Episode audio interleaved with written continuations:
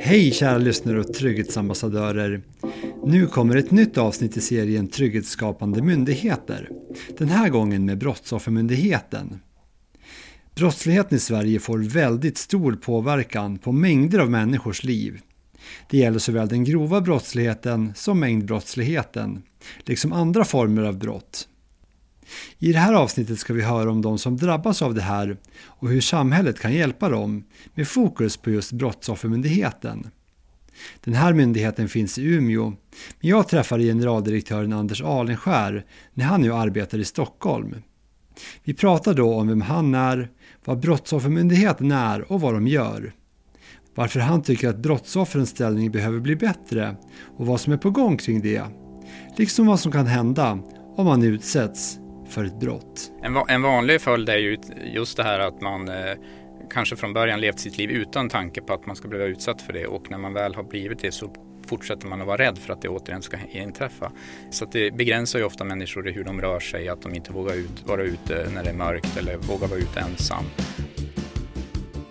Du lyssnar på Sveriges viktigaste podd, Trygghetspodden. Anders Alenskär, generaldirektör på Brottsoffermyndigheten. För den som inte känner till Brottsoffermyndigheten, vad är det för myndighet?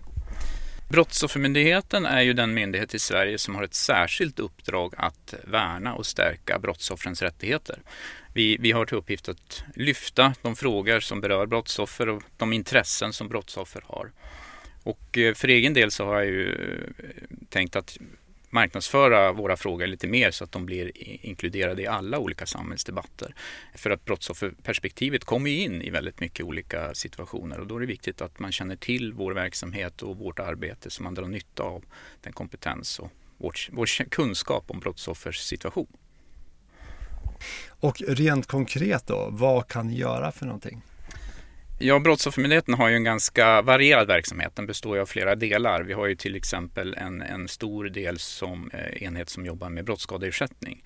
Och det handlar ju om brottsoffrens rätt att få ersättning från staten. Och det gäller ju skadestånd för kränkning och sveda verk och annat. Så det är ju en viktig del av vår verksamhet att vi beslutar om brottsskadeersättning. Men därtill kommer också att eh, när vi väl har beslutat om olika former av ersättning så regressar, alltså vi kräver tillbaka de här pengarna från de gärningsmän som har gjort sig skyldiga till brott. Så det är en annan viktig del av att eh, det är inte så att gärningspersonen går undan skadeståndsansvar utan vi från Brottsoffermyndigheten vi kräver också tillbaka de här pengarna. Sen kan det ju ta mycket längre tid att göra det eftersom det inte alltid finns pengar. Det är ju två viktiga bitar i verksamheten. Men sen är vi ju ett kunskapscentrum. Vi samlar in information och vi eh, håller konferenser och utbildningar och eh, ser till att eh, de som jobbar med brottsoffer eller kommer i kontakt med brottsoffer har bra kunskap om deras eh, behov och deras rättigheter. Vi utbildar ju socialtjänstarbetare, det är polis och det är åklagare. Och, eh, vi försöker finnas med i olika sammanhang för att utbilda i de här frågorna. Just för att lyfta brottsofferperspektivet i, i alla områden. Du är alltså generaldirektör då för Brottsoffermyndigheten. Kan du berätta lite kort om dig själv och din bakgrund? Ja, min egen bakgrund är sådan. Jag är jurist och jag är civilekonom och har min bakgrund inom domstolarna kan man säga. Jag gick domarutbildningen och har sedan jobbat i cirka 20 år inom domstolarna på olika, i olika roller och olika eh, funktioner. Eh, på förvaltningsdomstol, på mark och miljödomstol, på vanliga tingsrätt. Men jobbat väldigt mycket också då eh, med vanliga brottmål. Och där kommit i kontakt med väldigt mycket brottsoffer. Så det är egentligen min bakgrund, så jag är domare i botten eh, innan jag kom till Brottsoffermyndigheten. Då. Hur kom det sig då att du ville arbeta med just brottsofferfrågan? Ja, jag, jag, om jag ska vara ärlig ska jag, ska jag säga att jag är ju intresserad av väldigt, väldigt många frågor. Jag är väldigt samhällsintresserad. Så det, och det här är ju en fråga som, det, det är ju en, det är en väldigt viktig fråga. Det är ju en basalt fråga hur samhället ser till att eh, värna de som utsätts för brott. Och eh, på det sättet så kände jag att eh, det är ett väldigt hedersamt uppdrag att få också driva den frågan nationellt. Så det, dels var det att det var en helt ny fråga. Att, som domare är man inte van att driva saker på nationell nivå. Så, och samtidigt så var det ju ett väldigt, väldigt hedersamt område. Det är ju svårt att se att det finns andra grupp, grupper, utsatta grupper som har ett sådant stort behov av, av eh, att någon driver deras rättigheter. Så att jag hamnade där är ju ett intresse av samhällsfrågor och att få påverka. Och eh, de här erfarenheterna då du har dragit med dig från alla de här åren. Vad kan du ta med dig ifrån det in i ditt yrke här då på Brottsoffermyndigheten? Ja, dels, dels är det ju att man har fått se väldigt mycket brottsoffer och mycket öden genom åren på hur utsatta brottsoffer kan vara. Men samtidigt har man också, genom att ha den här bakgrunden så har jag ju stor förståelse för de här eh, balansen mellan att det ska finnas rättssäkerhet och rättstrygghet men också hur man behandlar människor i rättsprocessen. Och jag kan ju se där att ibland så framstår det som att eh, man är lite väl rädd att man ska nagga rättssäkerheten i kanten genom att man ger brottsoffer särskilda fördelar och sånt. Och jag tror att man, man tänker lite fel där för det, det går mycket bra att värna de, de, personer som står åtalade deras rättssäkerhet men samtidigt ge brottsoffer ett väldigt gott bemötande och de brottsoffer har ett väldigt, en stor rätt att få ett gott bemötande, bra information och känna sig inkluderade i processen. Och där tror jag att med min bakgrund så har jag ganska bra koll på var de här gränserna går och hur, vilka förslag och förändringar som vi kan driva igenom utan att vi på något sätt försämrar för den misstänktes och hans rättigheter. Vi ska återkomma till det här med kanske förändringar och förbättringar för brottsoffer då lite längre fram. Men det här med att vara chef för Brottsoffermyndigheten, vad gör man egentligen då? Det är ju, det är ju ett eh, arbete som har många delar ska jag säga. Det, i vart fall, jag brukar säga att det finns väl i vart fall tre olika delar. Dels är det ju själva myndighetsansvaret. Att jag, jag har det huvudsakliga ansvaret för att vår verksamhet bedrivs på ett effektivt och eh, kvalitetsmässigt bra sätt. Eh, och jag menar, jag står som ytterst ansvarig när olika saker inträffar och mm, myndighetens verksamhet, hur den fungerar, hur vi använder våra pengar. Det är ju ena delen. Sen är det ju den interna delen, att eh, se till att eh, staka ut riktlinjer för vår verksamhet och komma med visioner och jag har sån här strategitank, eh, tänk hur myndigheten ska utvecklas. Och det ingår, där ingår det ju att jag har ett nära samarbete med mina enhetschefer som i sin tur ska föra ner det i organisationen. Så det är ju den interna. Men sen en stor del som jag ser det, det är ju den externa. Alltså hur jag som myndighetschef ser till att förvalta vår verksamhet utåt. Och det gäller ju att ha rätt kontakter och finnas med i, alla rätt, i, i rätt sammanhang för att förmedla budskapet om att vi finns och eh, våra frågor är väldigt viktiga. Och eh, se till att eh, man inte glömmer bort brottsofferperspektivet i stort sett inom alla samhällssektorer där brottsoffer finns med. Så det är väl de tre bitarna som är min huvudinriktning så att säga. För nu sitter vi här och pratar i Trygghetspodden. Hur mycket media gör du? Det blir mer och mer och det har ju att göra med hur välkänd vår verksamhet är. Alltså ju mer den blir känd desto mer intresse kommer, finns det ju för att på något vis eh, intressera sig för våra frågor och eh, efterfråga information på olika sätt. Och, och, vi är ju öppna för det och glada för att vi får synas och höras mer. Så det blir mer och mer och på så sätt tror vi också att vi värnar och stärker brottsoffrens rättigheter. Och, det gäller ju inte bara mig som myndighetschef utan även mina, mina enhetschefer och även anställda deltar i olika offentliga sammanhang för att, att vi ska synas och höras mer. Hur är det att arbeta då inom Brottsoffermyndigheten? Ja, jag får uppfattningen att de flesta eh, ser det som ett väldigt hedersamt uppdrag man har, att man jobbar för en grupp som är väldigt utsatt. Och det är ju väldigt professionellt arbete som bedrivs. Det är ju särskilt eh, det är en nationell verksamhet som, som ska ha den yttersta kompetensen inom brottsofferfrågor. Så att eh, på det sättet så är det ju en, en organisation som, som ger mervärde för de som jobbar där också. Sen är det ju gemenskapen att man eh, samarbetar med andra duktiga jurister och samhällsvetare eller annat som, som har sin special, specialintresse för brottsofferfrågor. Så att jag tror att de som jobbar på Brottsoffermyndigheten känner att de bidrar till någonting större. Så är det. Och att det får direkt effekt för hela kollektivet av brottsoffer i Sverige. Har du själv blivit utsatt för något brott? Jag har själv inte blivit utsatt för något brott. Vilket kanske är lite ovanligt så, men eh, så, det är ju gynnsamt att jag inte har blivit det. För jag tänkte inför det här att just ta upp om du hade blivit utsatt för något brott och hur det skulle påverka i din roll då som generaldirektör för Brottsoffermyndigheten. Men i och med att du inte har blivit utsatt för något brott, mm. hur påverkar då det i ditt yrke?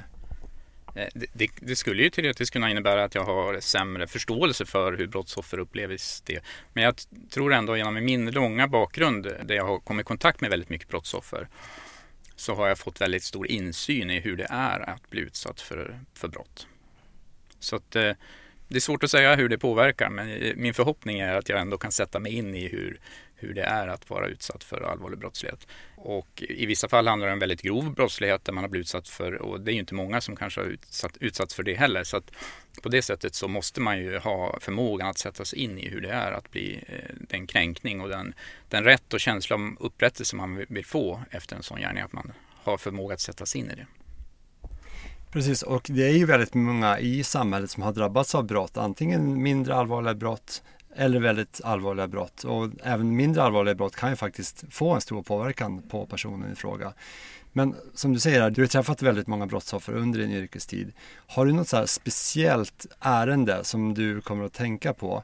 Utan att såklart gå in på detaljer så att man kan liksom känna igen vem personen är eller så. Men som liksom har satt sig hos dig. Som kan illustrera hur det här kan påverka en person att just bli utsatt för ett brott.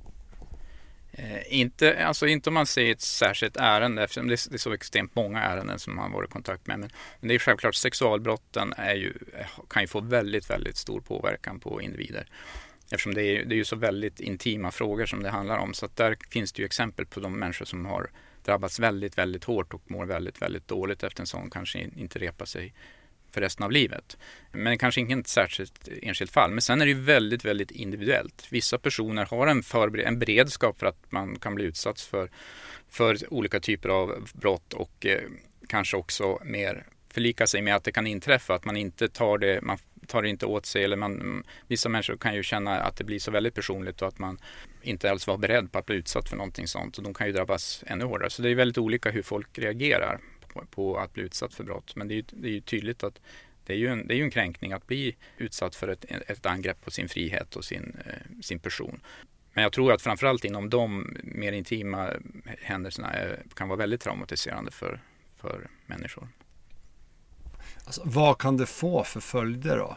En, en vanlig följd är ju just det här att man eh, kanske från början levt sitt liv utan tanke på att man ska bli utsatt för det och när man väl har blivit det så fortsätter man att vara rädd för att det återigen ska inträffa. Så det begränsar ju ofta människor i hur de rör sig, att de inte vågar ut, vara ute när det är mörkt eller vågar vara ute ensam. Så det är även där väldigt olika hur man reagerar, men det kan ju bli att det, man hela sitt liv blir inskränkt. Och det är ju inte alltför ovanligt att människor som har drabbats så får en sån psykologisk påfrestning att de, de vågar inte göra saker som de gjorde förut. Och det har ju med psykologiska faktorer att man, man blir, risken är ju inte större kanske att man ska drabbas senare men, men man vet att den risken finns och man vet hur obehagligt det var. Och hur på, så det är en tro, stor psykologisk påverkan när man har drabbats av allvarliga brott. Och i, i bearbetningen av det så handlar det ju dels om att man får ett gott bemötande och att man känner, känner att man är informerad om vad som händer och att man får en form av upprättelse genom att gärningsperson ställs till ansvar och man får ersättning och man, att man känner att samhället ställer upp för en. Så det är, väl, det är väl de bitarna som främst följer på allvarliga brott. För det är säkert många som lyssnar nu som kanske har blivit utsatta för brott. Vad skulle du vilja säga till den personen som hör det här, förutom då att man gör en polisanmälan som kanske är det första man tänker på? Alltså till exempel, vad kan man från samhället få för stöd och hjälp? Det finns ju, alltså som brottsoffer har du rätt till stöd och hjälp från samhället och det gäller att få det, det här systemet att fungera. Och det är ju något från Brottsoffermyndighetens sida, vi försöker efterfråga ett bättre samlat stöd. Alltså att de olika samhällsfunktionerna knyter an till varandra. Att polisen, Polisen har ju ett grundläggande väldigt, väldigt stort ansvar för det är de som ofta har den första kontakten med brottsoffren. Det är de som tar upp anmälan och där gäller det ju verkligen att det finns ett gott bemötande men även att man tar sig tid för den enskilde målsägande eller brottsoffer. För brottsoffer ska ju hanteras utifrån de, de behov de har. Alltså ett, ett brottsoffer kan behöva ett helt annat stöd än eh, en annan. Men där är framförallt så är det viktigt att polisen där ger information en viktig del för brottsoffer är ju att förstå hela processen, vad det är som händer nu, vad kan jag förvänta mig, vilken rätt har jag till olika ersättningar eller eh, stöd av en målsägandebiträde och annat. Så polisen har ju ett väldigt, väldigt stort ansvar och från Brottsoffermyndighetens sida så efterfrågar vi ju större och bättre stöd från polisen genom hela processen. Men sen gäller det också att inkludera alla andra eh, myndigheter som, som berörs. Socialtjänsten har ju ett väldigt viktigt ansvar och det, kommunerna har ju ett stort de har ju ett grundläggande ansvar för sina medborgare och att de ger ett bra stöd och att man inkluderar eh, hälso och sjukvården på ett tidigt stadium så att du som brottsoffer inte själv ska behöva söka dig genom myndighetssfären utan att det ska ge ett samlat stöd att du får hjälp från polis via socialtjänst, sjukvård, att, att de har ett bättre samarbete och uppmärksammar att ja, men du verkar vara behov av en psykologhjälp, då, att du får det och så. Det fungerar i vissa sammanhang, fungerar inte alls i vissa sammanhang. Men det viktiga, som brottsoffer ska man kräva sina rättigheter, helt klart. Men du, i den bästa världen så ska du inte ens behöva det, utan du ska få det direkt av polis och eh, andra involverade myndigheter. Men det är väldigt viktigt att man, eh, att man polisanmäler såklart och att man deltar aktivt i processen. Så det är, det, det är det, enda ett brottsoffer kan göra, att försöka hjälpa till på bästa sätt för, att, för sin egen skull. För du vill förbättra den här processen säger du. Man tar då ett konkret exempel med en person som har blivit utsatt för ett brott. Hur vill du att det ska fungera kontra som det kanske inte fungerar idag? Nu är det faktiskt så att vi på Brottsoffermyndigheten kommer att titta på den här frågan på uppdrag av regeringen. Så vi ska se över hur en sån här process borde gå till. Men man kan ju tänka sig att det redan från början finns någon form av samordning. Att eh, när det begås ett brott så finns det en samordnande funktion som ser till att alla delar sköts eh, integrerat. Så att det inte blir separata eh, myndighets... Ja, att polisen gör sin grej och socialt, utan att det finns ett samtal däremellan så att man kan, man kan, flera som involveras ger ett bättre stöd än att det är separat för då kan det falla mellan stolarna. Att man inte, så att, men exakt hur det här ska se ut det kommer vi på Brottsoffermyndigheten försöka titta på och eh, se hur man kan förbättra den här samordningen mellan de olika stödåtgärderna. För om man skulle titta rent formellt så finns det redan idag ett, ett, ett, stort ansvar bland många myndigheter att ge ett gott stöd. Sen gäller det att också att det sker på ett bra sammanhållet sätt och eh, det ser vi att det finns idag brister. Och när ska det här vara klart? Eh, det ska vi va, eh, titta på och vara klart till nästa sommar. Och, då ska, och I samband med det så ska vi också göra en kartläggning av hur det här stödet ser ut. Alltså vi ska titta på alla aktörer i samhället som på olika sätt ger stöd till brottsoffer idag. Och utifrån det kan man ju lättare se hur kan man samordna de här på ett vettigt sätt och överlappa dem eller finns det luckor och så. Så att vi, vi ser hur får man bästa nytta av det här totala stödet. Nu har vi varit inne lite grann på det här redan, men det här är ju en del i serien Trygghetsskapande myndigheter. På vilket sätt skulle du säga att Brottsoffermyndigheten bidrar till medborgarnas säkerhet och därmed trygghet? Vi är ju som sagt i stora delar en expertmyndighet. Vi jobbar ju inte operativt ute på gatorna och så. Men vi har ett stort fokus på att eh, se till att brottsofferperspektivet vävs in i alla olika sammanhang och på det sättet så tror vi att vi ökar säkerheten och tryggheten för brottsoffren. För mig är det en väldigt viktig eh, fråga det här med att man ska känna en rättstrygghet. Att som brottsoffer ska du inte känna dig ensam och utlämnad utan du ska känna en trygghet i att samhället tar vara på dina rättigheter och eh, har fokus på att du som brottsoffer ska, ska få upprättelse och att du ska inte lämnas ensam på något vis. Va? Och eh, hela vårt arbete i Brottsoffermyndigheten i de här delarna handlar ju just om hur vi får brottsoffrens rättigheter i fokus. Att eh, när man funderar på lagändringar eller man gör för, eh, kommer med helt nya regler så måste man också ha ett, en tanke om hur värnar vi brottsoffrens ställning i detta. Så där är en jätteviktig uppgift vi har och vi tror ju att vi får bättre, mer och mer framgång inom de här frågorna. Utöver det här som du har tagit upp nu så är det så att regeringen har också tillsatt en utredning som ska se över brottsoffers rätt till ersättning. Kan du börja med att berätta hur det fungerar i nuläget gällande hur ett brottsoffer ska få in skadestånd från förövaren eller förövarna? Mm. Det finns ju två olika fall. Det ena fallet är ju när det finns en utpekad gärningsperson och där det leder då till åtal normalt. Då är ju huvudregeln att du ska ju kräva skadestånd i den här rättsprocessen och förhoppningsvis har du ett målsägandebiträde som hjälper dig men det kan ju även vara lite lindrigare brott där det inte finns en advokat vid din sida.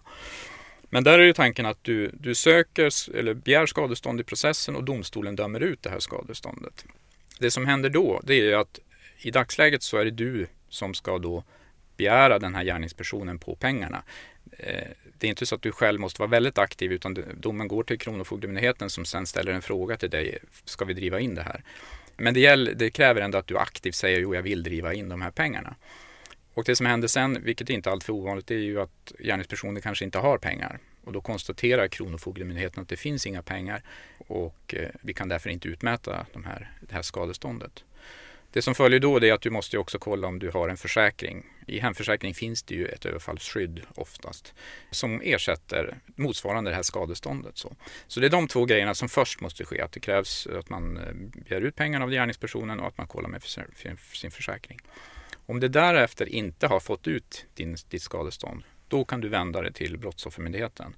För då har vi ju en ganska stor verksamhet som jobbar med att besluta om brottsskadeersättning kallas det då.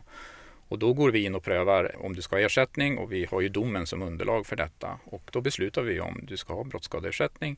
Men där finns det också vissa begränsningar. Att vissa brott ger inte brottsskadeersättning och vissa brott gör det. Så det finns ju en, ett, ett, urval. Nu i Sverige har vi ändå ganska gynnsam lagstiftning i den delen att vi ersätter väldigt många typer av brott. Och som sagt, när vi har beslutat om det, då får du de pengarna utbetalda och vi tar över den här fordran så att säga och då är då vi kräver tillbaka av gärningspersonerna. Det man vill nu se över det är ju hur man, målsäganden då ska få pengarna direkt utan att man ska behöva kräva in dem. Och då huvudtanken är ju då att direkt en dom kommer så ska vi då troligtvis från Brottsoffermyndigheten betala ut det skadeståndet till brottsoffret. Så att den inte behöver engagera sig något mer i den här äh, processen utan när domen kommer så är det avslutat, de får sina pengar. Och sen tar vi över den fordran och kräver tillbaka pengarna. Nu kan man säga att den här eh, frågeställningen innehåller väldigt, väldigt många delfrågor som måste också lösas för det är ett ganska komplext system om man börjar ändra i det här. Va? Så att, eh, jag ser fram emot den här utredningen och vi är positiva till att förbättra eh, för brottsoffer. Men det gäller också att man löser de små detaljer, som, eller ganska många detaljer som följer av detta. Och det ska ju den här utredningen titta på framöver. Sen har du utöver där det finns domar så finns det också väldigt många som utsätts för brott där inte man ens kan leda till bevisning att någon, vem som har gjort det. Och i de fallen så, så finns det ingen dom där du kan betala ut direkt utan där är det som idag att du söker hos Brottsoffermyndigheten om att eh, få eh, skade, eller brottsskadeersättning. Då. Och då gör vi ju en bedömning huruvida det är sannolikt att det har förekommit ett brott och du är utsatt. Så då, då beslutar vi att betala ut. Och de kommer ju fortfarande att finnas även i, vid en lagändring så att säga. För det är ju ganska, som sagt ganska många personer som, som utsätts för brott och inte polisen kan leda det till någon form av åtal. För här kanske det finns ett missförstånd i hela egentligen samhällsdebatten och så. För man hör ju ganska ofta att det låter som att man själv som brottsoffer ska kontakta personen som utsatt en för brott och själv kräva in pengarna. Men så är det alltså inte. Nej, precis. Man, man, det kräver ju ett visst typ av engagemang och det kräver kanske en psykologiskt engagemang att du, du ska ta ställning till att det ska drivas in av gärningspersonen och så. Men, men väldigt mycket sker ju hyfsat eh, automatiserat. Det är inte så att du måste vara väldigt aktiv själv. Men det är klart, om man ser det utifrån att det är en påfrestning att behöva engagera sig ändå i det. För att Kronofogden återkopplar ju då till dig och säger här finns det inga pengar att ta ut. Då måste du kolla med ditt försäkringsbolag och de säger nej du har ju ingen försäkring eller det här gäller inte och så. Så det är klart det är vissa moment där du måste vara aktiv och om man vill underlätta det så är det ju en god tanke att det här sker direkt via att vi betalar ut och sen tar vi frågan vidare. Men, men det är som du säger, jag tror att i samhällsdebatten så kan det vinklas som att, är, att man måste vara väldigt aktiv mot gärningspersonen och nästan ringa upp den och säga att jag vill ha dina pengar. Men, men så är det ju inte. Ja, det är bra att vi reder ut det här för att det är ganska ofta man hör liksom det här med att om man blir utsatt för ett grovt brott, liksom man kan bli rånad eller man blir våldtagen eller någonting, alltså väldigt grovt så att man själv ska just ta kontakt med gärningsmannen och kräva in den. Så här. Och det är bra att vi nu vet att det är inte så det går till. Ja, precis, att eh, det är ju Kronofogden som sköter den biten. Hur ser ni då på Brottsoffermyndigheten på den här förändringen? Brottsoffermyndigheten är ju, vi är ju alltid positiv till förändringar som underlättar och stärker brottsoffrens rättigheter. Sen har ju vi kanske varit i vissa avseenden lite nyanserad i den här frågan för att vi, vi är ju experter på den och vet att det finns väldigt, väldigt många frågor som måste regleras i samband med detta. Eftersom det, det, vi har försäkringsbiten, hur ska gälla kring försäkringar i framtiden? Om vi betalar ut direkt, vilka brott ska omfattas? Som det är idag så har vi ett antal gärningar och även vissa skadestånd som vi inte ersätter. Vi ersätter till exempel inte förmögenhetsskada och sakskada i, så stor utsträckning. Utan vi, det är ju fokus på kränkning av sveda och verk. Hur, vad ska gälla där framöver om man får en dom som innehåller väldigt många olika delar? ska vi pröva det? Så det är många, många delfrågor som vi ser måste lösas i samband med detta. Men, men i grunden så är vi positiva till att det blir ännu enklare för brottsoffer att få sin ersättning. För det är, vi ser det som en väldigt, väldigt viktig del i brottsoffrens upprättelse att de också får en bekräftelse i att det här var fel, gärningspersonen ska betala pengar till dig. Och lika viktigt ser vi det som också att vi också sen kräver igen de här pengarna. För det kan man ju också kan känna stötande om man uppfattar att eh, staten betalar ut pengarna och gärningspersonen slipper. Så därför är det en viktig del för oss också att vi kräver tillbaka dem. Det är en väldigt viktig samhällsfråga att gärningspersoner inte går fria bara för att vi har ett gynnsamt system. Nu pratar vi mycket om det här med ekonomisk ersättning, men kan man få annat råd eller stöd? Till exempel liksom hjälp, samtal, psykolog och så, om det är så att man blivit utsatt för brott genom samhället? Ja, samhället har ju ett ansvar att se till att brottsoffer får det stödet. Och vi kan ju tycka att brottsoffer har ett särskilt stöd. Alltså, vissa kan ju tycka att man inte ska särbehandla brottsoffer, men vi menar ju att brottsoffer där handlar det om att staten har misslyckats i skyddet av sina medborgare. Det är inte en normal företeelse att man ska utsättas för brott. Vi har ju ett kontrakt som säger, samhällskontraktet säger ju att samhället ska skydda dig och se till att folk inte utsätter dig för brott. När det väl har hänt så ser ju vi att samhället har ett extra ansvar att se till att brottsoffret får stöd och gott bemötande. Och där inkluderar ju allt ifrån psykologkontakter till annan sjukvård eller samtalsstöd vi för Brottsoffermyndigheten tillhandahåller ju inte det i sig, men däremot så har vi har ju en servicetelefon och man kan ju ringa till oss om man vill ha guidning och ledning i hur, hur, hur går jag vidare i det här. Så att eh, vi står alltid till förfogande om det är så att folk känner att de är osäkra på vad som gäller och hur man vill ha råd om, om hur, hur man går vidare. Så att eh, från vår sida ser vi ett starkt behov av att samhället tar sitt ansvar och ger stöd och det kan bli mycket, mycket bättre än vad det är idag. Utöver det här då, så har ju också EU-kommissionen lagt fram ett förslag på hur brottsoffers ställning ska stärkas. Kan du kort sammanfatta vad det här handlar om för något?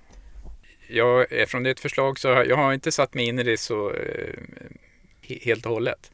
Men jag vet ju att det, det syftar ju till att stärka brottsoffrens rättigheter på många sätt. Redan idag har vi ju enligt brottsofferdirektivet väldigt uttalade starka rättigheter för brottsoffer. Men i det här förslaget nu som har lagt fram så, så finns det ju förändringar som stärker rättigheterna och även finns det med det här med att man ska ha rätt till att på ett snabbare sätt få ut ersättning för på skadestånd, vilket ju ligger i linje med den utredning som vi nu har här. Så att eh, vi följer det och eh, än så länge är det ju bara ett förslag. Vi får se vart det leder till och vi ska ju ha ambitionen att leva upp till det och gå ännu längre, vilket vi väl från statsmaktens sida anser att man har gjort och att vi har, har ett väldigt gott eh, god lagstiftning men, men den kan ju bli bättre. Men i övrigt har jag inte, det är inte så att eh, den, den är fortfarande så, så ny så att det, det är inte något färdigt beslut i den delen. Men det är alltså någonting som går framåt både på EU-nivå och på nationell nivå här då, inom regeringsfråga? Ja, eh, jag tror att eh, på EU-nivå kan det ju vara så att kan svår, alltså det finns lite motsättningar och det finns olika intressen så det, det, kan ju vara lite mer trögflytande. Här i Sverige finns det ändå nu en ganska tydlig eh, konsensus och, och de politiska partierna är ju då väldigt positiva till att driva brottsofferfrågor. Så det är ju väldigt gynnsamt ur den aspekten. Så om, om det vid något tillfälle vi känner att vi har möjlighet att driva igenom viktiga frågor för brottsoffrens rättigheter så är det ju nu. För att eh, brottsofferperspektivet det är ju något som man nu verkligen trycker på inom alla delar av samhället. Och det tycker vi är fantastiskt bra. Vi tar ju löpande upp den grova brottsligheten med alla mord och bombdåd och skjutningar med mera här i Trygghetspodden. Vilken påverkan får den här grova brottsligheten på brottsoffren i landet och därmed eventuellt på ert arbete? Det är ju en mångfacetterad fråga. Det är ju självklart är det ju så att det är ju det är ju lite en oförutsägbar eh, brottslighet för många. Alltså man, det skapar ju en otrygghet egentligen i hela samhället. Så att, där, där är ju frågan, var går gränsen för brottsoffer? För att eh, ta de här sprängningarna, så det skapar ju, det skapar ju traum, trauma för väldigt, väldigt många människor och kanske inte det är inte kanske de som var, eh, var målet för själva sprängningen utan de som bor runt omkring. Så man får ju en krets av människor som, som i min synvinkel har liknande status som ett brottsoffer som drabbas väldigt hårt. Det är ju, man blir otrygg i sin hemmiljö och eh, det liknar ju det, det om man blir direkt utsatt för ett brott. Så att jag tror en stor påverkan är ju på den allmänna tryggheten till, i samhället. Och, det är ju den här grundläggande frågan om hur staten ska se till att, eh, att du inte hamnar i sådana situationer. Och, eh, så därför har vi det en ny dimension för hur samhället utsätts och samhällsmedborgarna. Och det är ju någonting som alla myndigheter nu får tampas med. Det här är någonting nytt som man måste också se till att eh, hantera på ett bra sätt. Och återigen, polisen har ett stort ansvar men här kommer ju in alla andra samhällsaktörer hur man på ett bra sätt dels bemöter de som har utsatts och hur man följer upp att de mår bra och att de men det är ju den här komplikationen att om det är försäkringsfrågor och det är polisens undersökning som riktas mot brottet och det är lätt att saker och ting hamnar i mellanstolarna här. Sen ur vår sida, vi vi jobbar ju med alla typer av brottsoffer och vi jobbar med alla typer av brottsofferfrågor. Sen har vi ju riktade insatser mot olika grupper. Dels kan det vara att det är regeringen som har gett oss uppdrag att titta på vissa grupper. Men också behövs det ju att man skalar ner det. Det är svårt att köra generellt rakt över alla brottsoffergrupper utan vi försöker ju träffa vissa typer av brotts, barn till exempel eller kvinnor som utsätts för våld eller särskilda invandrargrupper. Eller så och eh, gör särskilda kampanjer och jobbar särskilt mot vissa typer av brott. För de har vissa förutsättningar, vissa har andra typer av behov också. Och, och det är just för att få en extra sakkunskap just vad gäller vissa typer av brottsoffergrupper. Och den grova kriminaliteten för ju med sig också en, en, ett nytt sätt att arbeta och där vi måste också titta vad är typiskt i de här situationerna. Vad är det som fungerar och vad är det som behöver vilken utbildning behöver våra myndigheter för att kunna hantera den här typen av brott? Vad tycker du själv är värst med den grova brottsligheten ur ett brottsofferperspektiv? Ja, ur ett brottsofferperspektiv, dels är det ju hur, hur den kan slå helt blint. Alltså, det är den här trygghetsfrågan. Att eh, du har, du har inte ens en mm, förvarning om att du kan hamna i en sån situation. Så på det sättet skapar en otrygghet i stort sett bland alla samhällsmedborgare. Och det är ju det är en väldigt oroväckande utveckling att vi, vi får i stort sett stora delar av stadsdelar som går omkring i någon form av oro att de ska bli utsatt för någonting. Så det är väl den största påverkan som jag ser det. Att eh, många helt oskyldiga män, eller människor som inte ens ingår i sådana här eh, gängsammanhang eller liknande blir gisslan i sin egen stadsmiljö och eh, det är ju inte acceptabelt. Du var inne lite grann på det här nyss, eh, men vi ska fortsätta med det här att ni har ju valt ut tre olika typer av brottslighet på er hemsida. Och det är då terroristbrott, hedersrelaterad brottslighet och islamofobiska hatbrott. Varför har ni valt att lyfta fram just de här tre?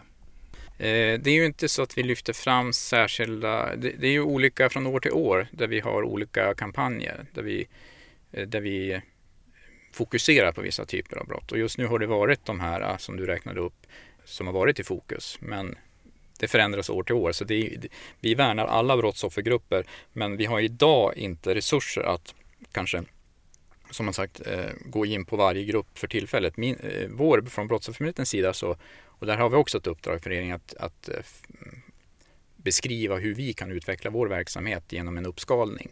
Och då kommer vi att kunna jobba med nästan alla brottsoffergrupper samtidigt. Men som det är nu så måste vi fokusera på vissa grupper och göra kampanjer kring det. Det kan ju också ha till sin fördel till viss del att man just nu är det här fokus och det är då som syns. Annars kan det drunkna i varandra. Men vår, vår ambition är att vi ska kunna jobba eh, kontinuerligt inom alla grupper. Sen vad gäller offer för terrorism så är det ju så att Sverige är ju, eller säga, Brottsoffermyndigheten är, är ju av regeringen utpekad som kontaktpunkt. Så vi har ju ett särskilt ansvar att ha en samordnande funktion vad gäller terrorbrott. Och eh, det innebär ju att andra kontaktpunkter runt omkring i Europa ska kontakta oss i samband med, och vi kan kontakta dem i samband med terrordåd eller liknande för att skapa en bättre förmedling av information och eh, person, mellan personer som har drabbats och, och för att man ska förstå varandras system och liknande. Ja, jag tänkte faktiskt precis ta upp det här med just eh, terroristbrott och att det är väldigt mycket diskussion om det här med risken för terrordåd, inte minst nu i och med att man har höjt terrorhotsnivån från en 3 till en 4 på den här femgradiga skalan. Men då har jag fått svar på det. Mm. Eh, så att vi kan istället hoppa in på det här med hedersrelaterad brottslighet. För det första där, Eh, att det här, eh, de här som du säger nu eh, ligger i fokus. Är det här någonting som kommer från politiskt håll, från regeringens håll, vilka som ni ska välja ut år för år? Eller är det någonting som ni själva inom myndigheten bestämmer att nu ska vi fokusera på de här områdena? Eh, som Brottsoffermyndigheten har sett ut hittills så har kanske resurserna gått åt mycket till de särskilda regeringsuppdragen. Och regeringen har ju pekat ut under årens lopp vissa grupper som man ska särskilt satsa på att Eh, Eh, inhämta information, sprida information, göra kampanjer och utbilda. Så att eh, många av de här grupperna som vi ut, räknar upp nu, det är sånt där vi har fått uppdrag särskilt från regeringen. Eh, och det är ju väldigt, väldigt viktiga brottsoffergrupper och så, men från Brottsoffermyndighetens sida så vill vi ju gärna i framtiden se att vi själv kan också ha utrymme att se vilka grupper vi måste jobba mot och kunna driva sådana projekt också.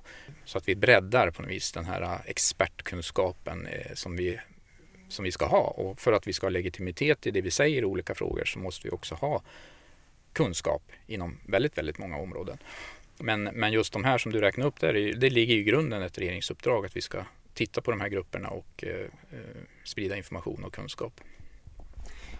Precis, och det här med terroristbrott är som sagt väldigt aktuellt. Det här med hedersrelaterad brottslighet då, är det här också ett stort problem som finns i samhället? För det är också mycket diskussion om det, men kanske inte riktigt på samma nivå som det med det här med terrorism. Nej. Eh, det var ju några år sedan var det ju väldigt aktuellt med hedersrelaterade brott och, och det, det, det, är ju väldigt viktigt att vi jobbar med de här frågorna. Och det är ett allvarligt samhällsproblem, helt klart är det det för att det förekommer i olika, olika utsträckning i Sverige och vi, vi vill ju genom olika informationsinsatser dels sprida till befolkningen om vilka rättigheter man har och att man inte ska bli utsatt för för den typen av behandling och så. Men även att samhällets aktörer har god förståelse för vad innebär det med hedersrelaterad brottslighet. Så att eh, det förekommer ju alltjämt men vår förhoppning är att genom att arbeta med de här frågorna så kan vi motarbeta det. Kan det här vara grupper som har svårare, det här kanske man kommer från andra länder, man kanske inte har samma myndighetsförtroende, man kanske också har liksom ett längre avstånd till samhällets aktörer. Kan det vara svårare att nå ut till de här grupperna? Det är det säkerligen och det kan man se inom flera samhällsområden att det, det är svårare att nå ut. Men vi jobbar ju också då med att översätta på olika språk och tillgängliggöra information som så vi har det ju med i vår, vårt arbetssätt att det, hur når vi ut med det? Det räcker ju inte att man gör en kampanj eller informationsmaterial eller utbildning utan vi måste också analysera hur når vi ut med det här på det bästa sättet? Är det genom skolorna kanske eller är det socialtjänsten? Och, så att vi behöver ju oftast kanaler och hjälp med hur man, hur man når ut till, till medborgarna också. Och eh, ett sätt är ju som sagt att se till att det finns tillgängliggjort på andra språk. För att det kanske inte alltid räcker svensk, med, med, med en svensk informationstext. Det här med islamofobiska hatbrott då, hur vanligt är det? Eh, jag, jag är ingen expert på, på statistik så. Eh, så att det, det, är svårt för mig att uttala hur vanligt det är. Och I så fall ska man ju kanske göra det i relation till någonting. Eh, men det förekommer ju och eh, där har vi också ett regeringsuppdrag att titta på det och sprida information om det. Så att eh, det ingår väl i, i vårt uppdrag att titta på. För det är just det här, liksom, såklart vad man väljer, som du säger, det finns väldigt många olika brottsoffergrupper. Alltså en väldigt stor grupp som ständigt är aktuell, det är ju våld i nära relationer. Där är det oftast en kvinna som blir utsatt för våld av en man. Men det här har ni inte lyft fram specifikt på hemsidan. Eh, jag vet inte var du har tittat på hemsidan, men, men just våld i nära, mäns våld mot kvinnor och våld i nära relation är ju något som vi har jobbat kontinuerligt med under många år. Och det var väl kanske mer fokus, eller det var ett väldigt stort fokus på det för några år sedan. Då hade vi väldigt mycket resurser som satsades på mensvård. Men det är ju en väldigt, väldigt viktig eh, grupp av brottsoffer, så det jobbar vi ju kontinuerligt med. Och jag, så, så jag skulle hävda att det är en av de de delar som vi jobbar med mest ändå. Men sen kan det vara på att hemsidan syns de här senaste regeringsuppdragen. Vi har inget särskilt regeringsuppdrag kring det just nu vad jag kommer ihåg. Men däremot jobbar vi väldigt mycket med den frågan av att kontinuerligt utveckla vårt arbete kring mäns våld mot kvinnor. Så det, det, är en prioriterad fråga även om det kanske inte syntes direkt på hemsidan. Där. Innan vi lämnar de här tre olika områdena så ska jag fråga en sak till. För med anledning av terrorhotet nu så är det mycket diskussion och debatt om det här med våldsbejakande islamism och risken för terrorråd. Utöver det, hur vanligt är det med det motsatta till islamofobiska hatbrott? Alltså att islamister utför hatbrott mot andra? Jag har ingen statistik kring det. Det, det är ju... Eh, nej, jag, kan, jag har svårt att svara på den frågan för jag är inte insatt i det, det är ju ingen högaktuell eh, fråga så. Eller, det är kanske en aktuell fråga men jag, jag vet inte hur, hur, vanligt det är. Det är, inte, det är något man, inget som vi ser i någon stor omfattning. Jag kommer att tänka på en sak till, eh, just när det gäller det här med religiösa hatbrott och så. Ett annat utbrett hatbrott är ju mot judar eh, och det är inte heller någonting ni har lyft fram. Vet du hur utbredd den typen av hatbrott är? Eh, den har ju varit relativt utbrett. Eh, jag vet inte om det har minskat nu på senare år eller inte men det har ju, det har ju egentligen under lång period förekommit eh, ganska mycket hatbrott mot judar. Nu har inte vi särskilt uppdrag att titta på den, på den frågan men jag vet att det finns andra myndigheter som tittar på hatbrott mot judar och andra. Vet du framåt, vilka grupper kommer det vara till exempel nästa år? Är det någonting som redan finns bestämt? Om det finns ett särskilt fokus? Nej, vi får ju just de här särskilda uppdragen vi får, får vi ju i regleringsbrevet och det kommer ju, det kommer ju alltid kring årsskiftena så att det vet vi inte än. Till sist då, givet den grova brottsligheten, den stadiga ökningen av bedrägerier och det stora antalet mängdbrott till exempel. Hur tror du att samhället och brottsligheten kommer att utvecklas framåt och hur kommer det här att påverka alla brottsoffer? Mm. Det där är ju en väldigt, väldigt viktig fråga för att från Brottsoffermyndighetens sida så ser vi det som väldigt viktigt att man inte ger avkall på mängdbrottsligheten bara för att man satsar på att komma åt den grova och eh, verksamheten. För då riskerar man att få ett glapp och en tapp i tilltron till samhället. Och vi ser ju tendenser till detta och det är ju där vi vill verkligen värna att man, man får inte eh, nedprioritera den vanliga brottsligheten. För du som brottsoffer, än om det är ett enklare brott, måste ha den här grundtryggheten i att du måste kunna förutsätta att blir jag utsatt för ett brott, även om det inte är ett alltför allvarligt brott, så ska du få fullt stöd från samhället. Samhället måste utreda brottet och lagföra och ge dig stöd och vägledning. Det är där vi ser en tendens från Brottsoffermyndighetens sida att man kanske då tar resurser från den typen av utredningar och lägger på den grövre brottsligheten. Och det finns en fara i detta. Och det, vi har ju också sett här till exempel vad gäller eh, förundersökningsbegränsning, att man i större utsträckning använder sig av att begränsa lindrigare brottslighet för att kunna ha resurser till de grövre utredningarna. Och det ser vi som en stor fara i, för då, då tappar man till slut förtroende för att samhället hjälper till och verkligen tar tillvara mina rättigheter som brottsoffer. Att jag, eh, du som brottsoffer kanske, kanske blir själv tvungen då att driva civilrättsliga tvister mot eh, gärningspersoner för att polisen har valt att inte gå vidare med det. Så där ser vi från Brottsoffermyndighetens sida ett stort ansvar för samhället att inte prioritera om så att de, de stora mängder kanske brottsoffer som i och för sig inte drabbats av allt för allvarliga brott men ändå är brottsoffer riskerar att tappa sitt stöd. Så det är en väldigt viktig fråga och det är någonting som vi vill att man fokuserar på framöver så att man, man fortsätter ge ett brett stöd inom alla typer av brottslighet. För det här har vi kunnat höra i ett antal avsnitt av Trygghetspodden när polisen just berättar att de har brist på resurser, att det sväljer otroliga resurser med den grova brottsligheten. Det kunde vi höra redan i det allra första avsnittet av Trygghetspodden hur ska då polisen lyckas komma till rätta med det här? För att ni ser en risk för ett problem här från Brottsoffermyndighetens sida och polisen säger att de har inte möjlighet att just utreda alla de här brotten i och med att det är så mycket grov brottslighet som sväljer så mycket resurser. Mm. Och det är ju ett systemfel. Alltså, samhället kan ju inte bara luta sig tillbaka och säga att vi har resursbrist. Då måste man sitta och lösa det. Det är ju en, det är en politisk fråga, det är en ledningsfråga inom polisen. Det är också hur man organiserar sin verksamhet hur, och vilket fokus man har i den. Eh, sen förstår ju vi också att det finns resurser som man måste, man måste allokera på olika håll och kanter. Men det är så extremt viktigt för framtiden att det inte blir okej okay med vanlig vardagsbrottslighet för att det, läggs, det, det, finns ändå inte resurser att utreda. Det är ett sluttande plan som vi inte vet var det slutar.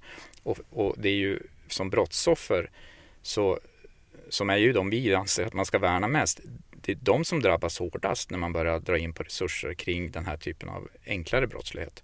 Så det är ju något som vi ser mycket allvarligt på och eh, jag, vi tycker inte att det räcker att man hänvisar till resursbrist. Så upplever ni att det brister inom polisen från Brottsoffermyndighetens sida?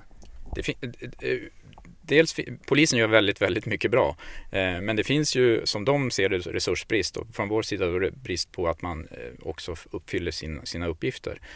Och, och kan, vi kan ju inte lösa de frågorna åt dem men vi ser ett stort behov av att man inte prioriterar om så att de här äh, vanliga brotten inte utreds. Sen ser vi ju från vår sida just vad gäller brottsoffrens rättigheter ett stort behov av att förbättra och alltjämt utveckla bemötandet av brottsoffer. Brottsoffer får idag information men de kanske inte får det på rätt sätt. För att brottsoffer ska få en förståelse för polisens arbete och kanske också förståelse för att vissa frågor inte utreds eller liknande så gäller det också att man förmedlar det på ett bra sätt. Varje enskilt brottsoffer måste få information som är särskilt anpassad efter det brottsoffret. Man kan inte kräva att ett brottsoffer ska ta till sig information som gäller alla brottsoffer. För då blir det att det brottsoffret upplever inte att man har fått någon information. För man har bara fått en mängd information som till stor del inte berör den enskilde. Så den här kommunikationen är extremt viktig och ännu viktigare om det är så att polisen väljer att omfördela sina resurser så att det kanske det brottsoffret inte får fullt ut det stöd som den borde få. Ja, vi kommer att träffa fler poliser i Trygghetspodden framåt så då kommer vi få möjlighet att ta upp det här och höra vad deras syn är på det här. Ja, det låter ju bra. Du har hört ett avsnitt av Trygghetspodden. Fler avsnitt finns på trygghetspodden.se.